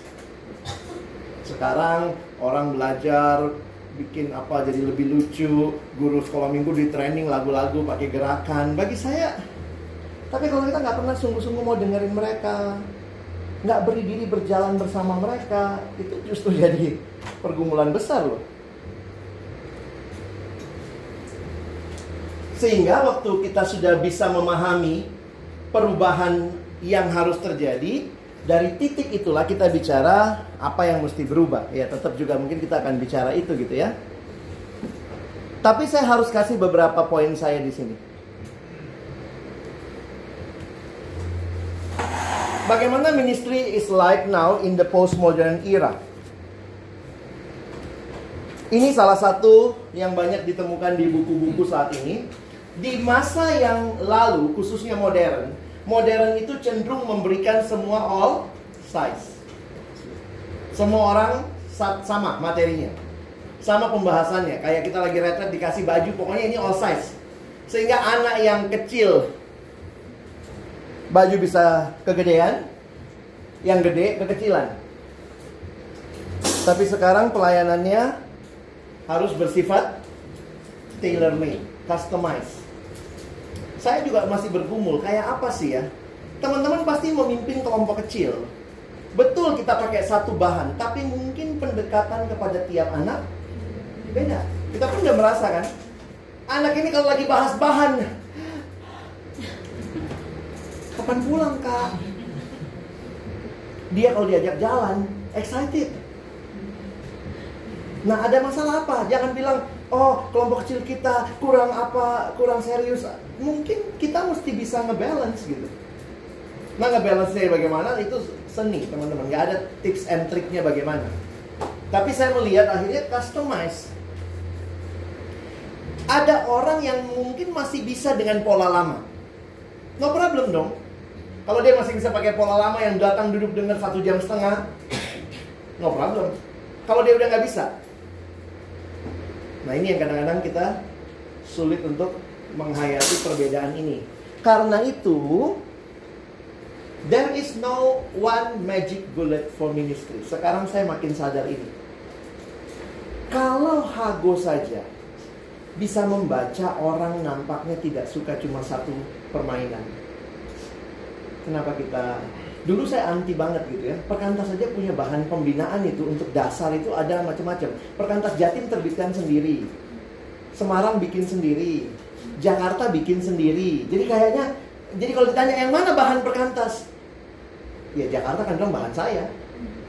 Jatim akan bilang bahan Jatim. Tapi sekarang mungkin dengan gaya seperti ini, mungkin ada yang lebih cocok bahan Jatim. Kenapa emang? Mungkin ada yang lebih cocok bahan Jakarta. Mungkin ada yang lebih cocok bahan Semarang. Sehingga mari kita kenal anaknya, tahu kebutuhannya, bahan akan mengikuti. Jadi bukan gini, nggak mau tahu ya, pokoknya semua pakai bahan ini. Atau kalaupun kita pakai satu bahan standar, tapi karena kita kenal kebutuhan pribadi, kita bisa berikan bahan tambahan buat mereka. Jadi sikap kita itu bukan sikap-sikap yang hanya satu and that's all. Nah ini yang harus kita kembangkan mentalitinya and bukan or. Di masa yang lalu kalau saya pakai ini, yang ini saya buang. Kalau masa sekarang ini dipakai dan ini dan ini dan ini emang kenapa kalau banyak? Tapi lebih repot jadi PKK sekarang emang. Siapa suruh mau melayani generasi ini? Poin saya adalah kita harus bisa melihat kebutuhan, punya keterbukaan, tapi kita juga punya prinsip tentunya. Nah, di situ yang saya ingin ingatkan teman-teman, mari coba melihat. Saya harus tutup dengan epic karena kalian pikir kenapa judulnya epic nggak ada epicnya ya? Jadi ada buku-buku Posmo, sebenarnya ini tentang Posmo ya, sorry saya nggak bisa jelaskan semua.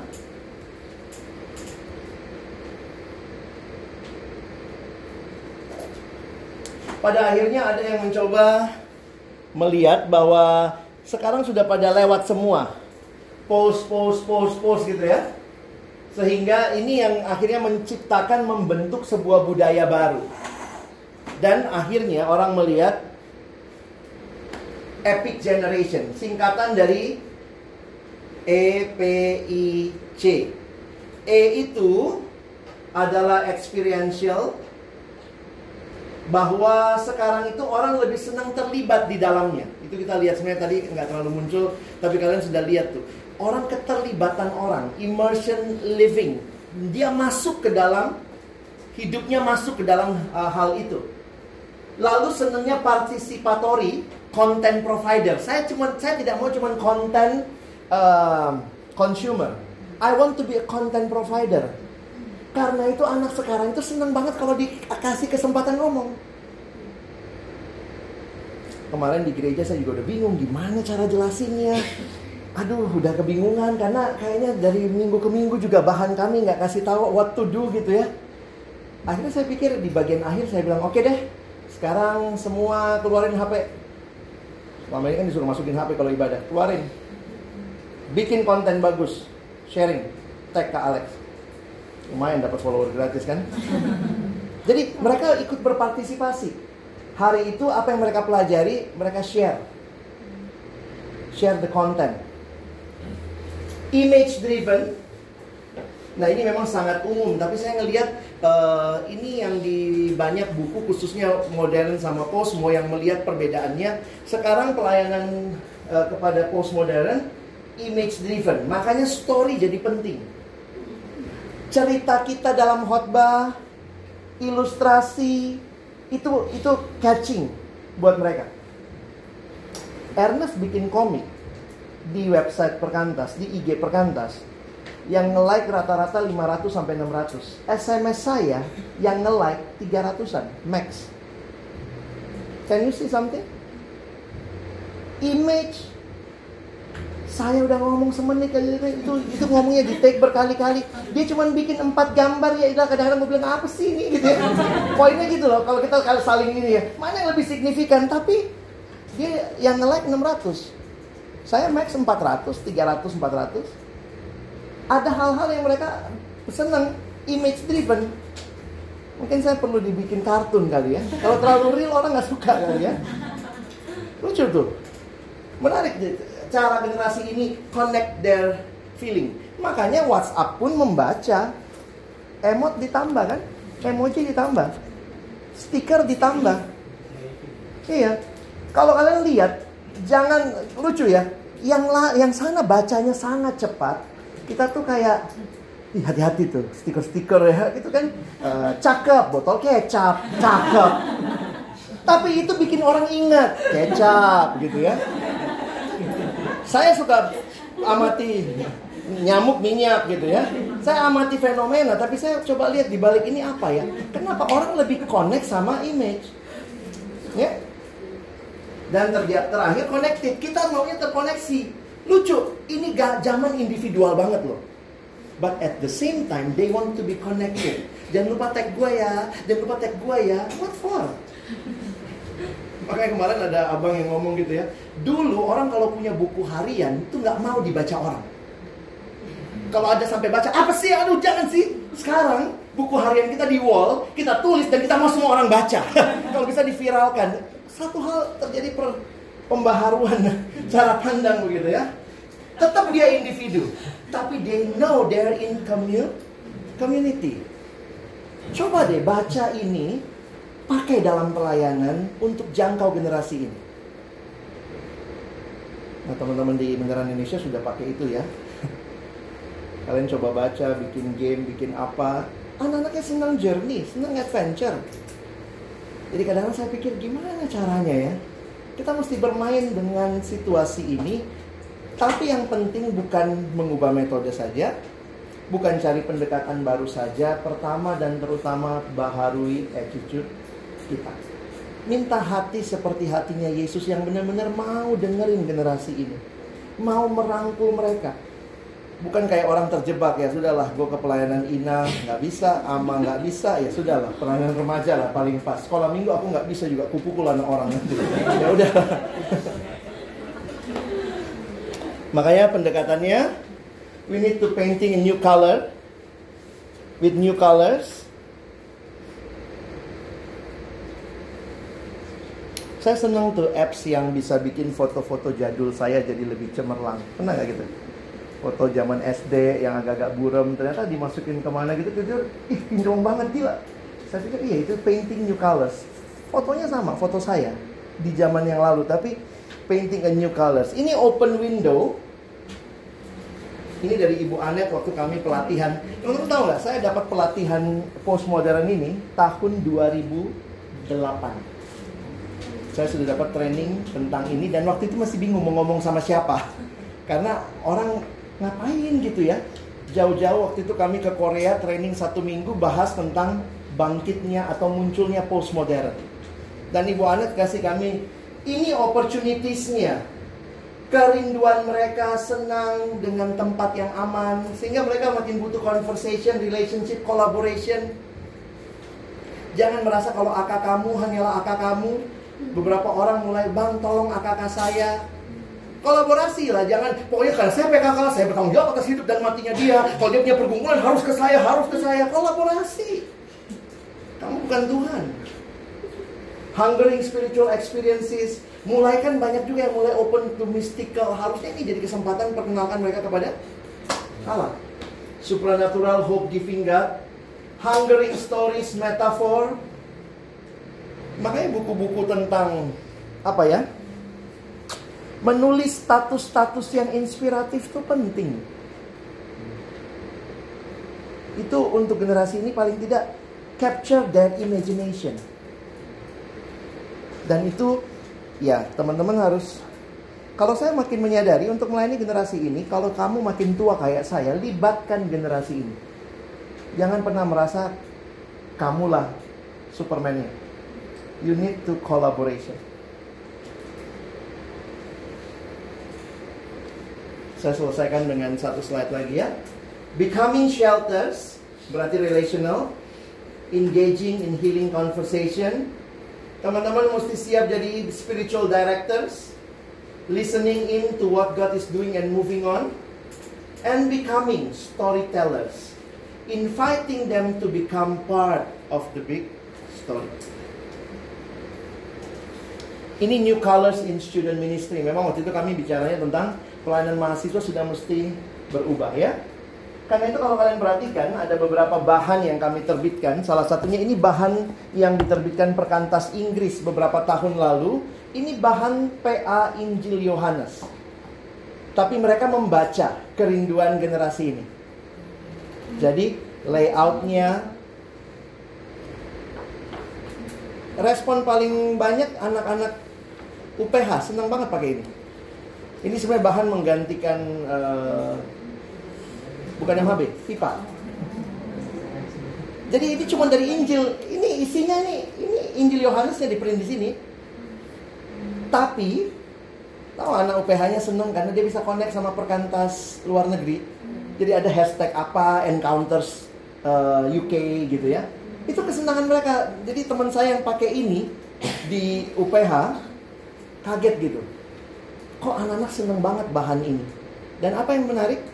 Bahan ini menggali feeling mereka. Sorry to say, bahan-bahan kita selama ini menggali pikiran mereka. Tapi tidak touch their feeling. Tidak steering their imagination. Misalnya ini ya.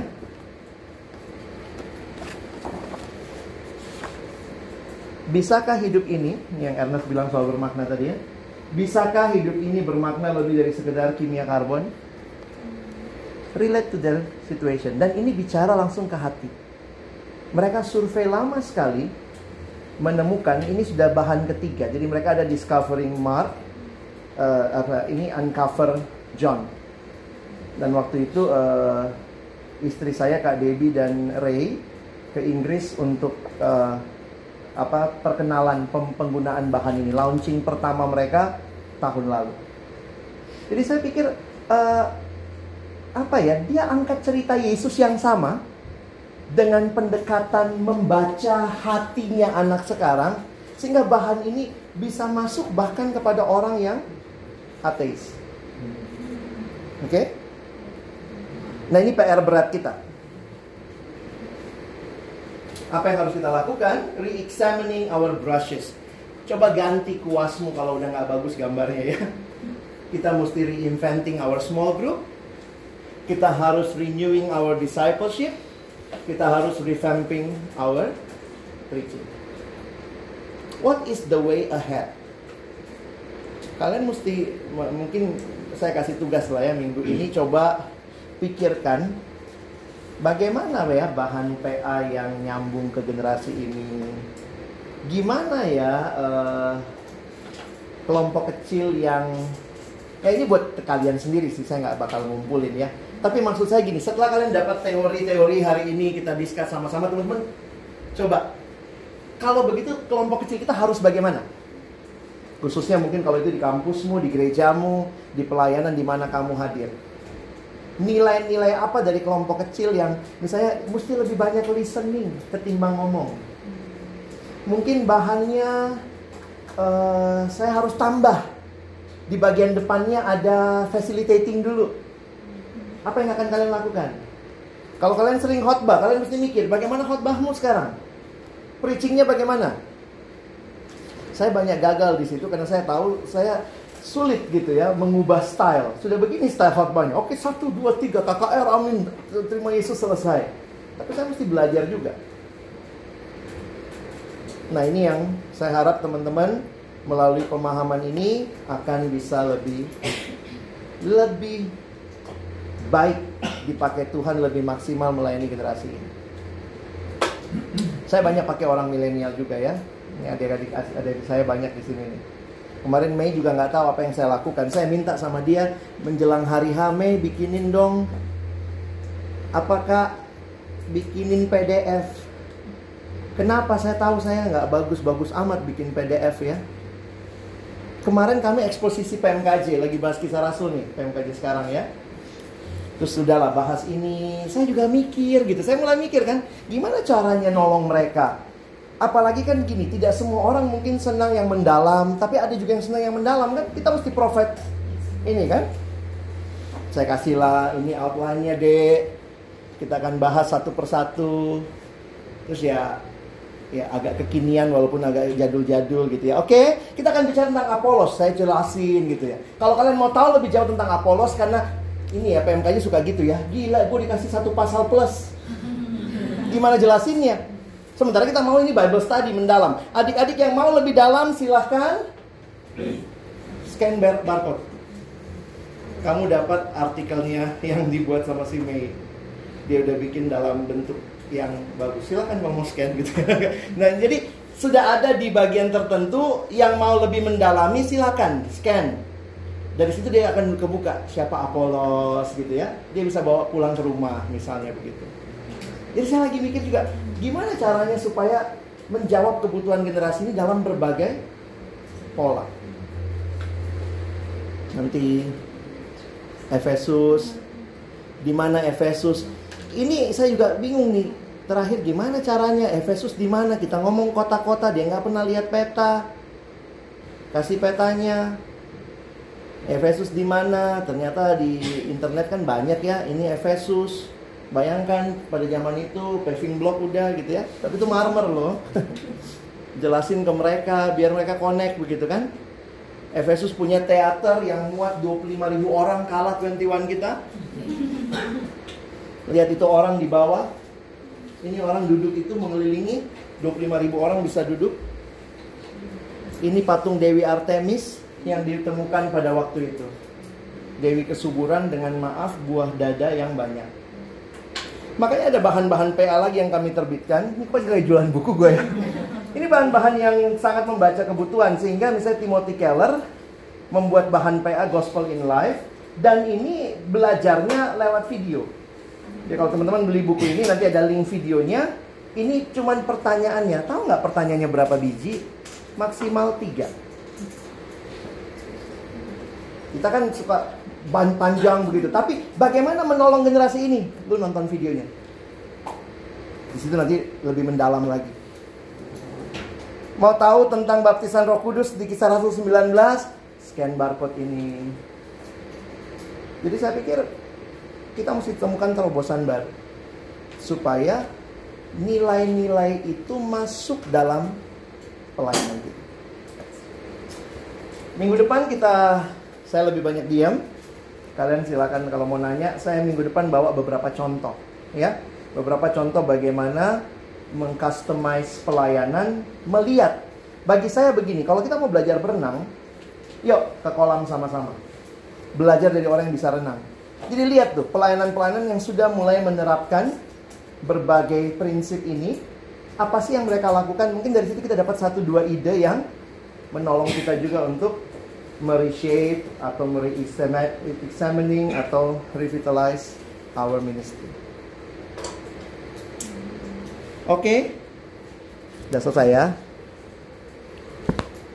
Baik, atau ada yang sangat harus bertanya? Sangat haus pertanyaan.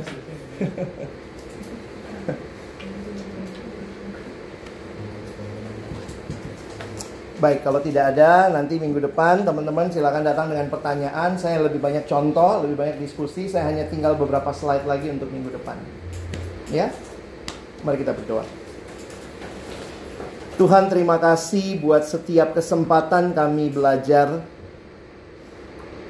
Ingatkan kami terus, kami Tuhan panggil melayani generasi ini. Sehingga biarlah kami juga memberi diri kami lebih lagi menjangkau mereka. Mungkin kami sadar tidak ada satu cara yang menjadi satu-satunya cara melayani saat ini. Tapi biarlah kami juga ditolong untuk belajar banyak hal, mengembangkan banyak hal dan terlebih lagi akhirnya memilih hal-hal yang menjadi expertise kami supaya kami juga sadar bahwa dalam melayani kami juga butuh kolaborasi. Tidak ada hal yang bisa kami lakukan seorang diri. Bahkan kami perlu melibatkan generasi ini untuk berkontribusi dan kontribusi mereka berharga. Terima kasih Tuhan. Apa yang kami pelajari biarlah seperti Engkau sendiri. Tuhan yang hatimu bagi murid-muridmu. Berikan kami hati yang sama Tuhan untuk mengasihi murid-murid Tuhan yang kau percayakan untuk kami gembalakan di generasi ini. Hamba terus berdoa bagi teman-temanku dalam pelayanan di kampus, di siswa, di gereja, di mana pun kami berjumpa dengan generasi yang kami layani. Tolong kami memahami, mengenal mereka, mendengarkan mereka, dan bisa melayani dengan lebih baik. Kami bersyukur berkati perjalanan kami kembali ke tujuan kami Tuhan yang menyertai dalam nama Yesus kami berdoa. Amin.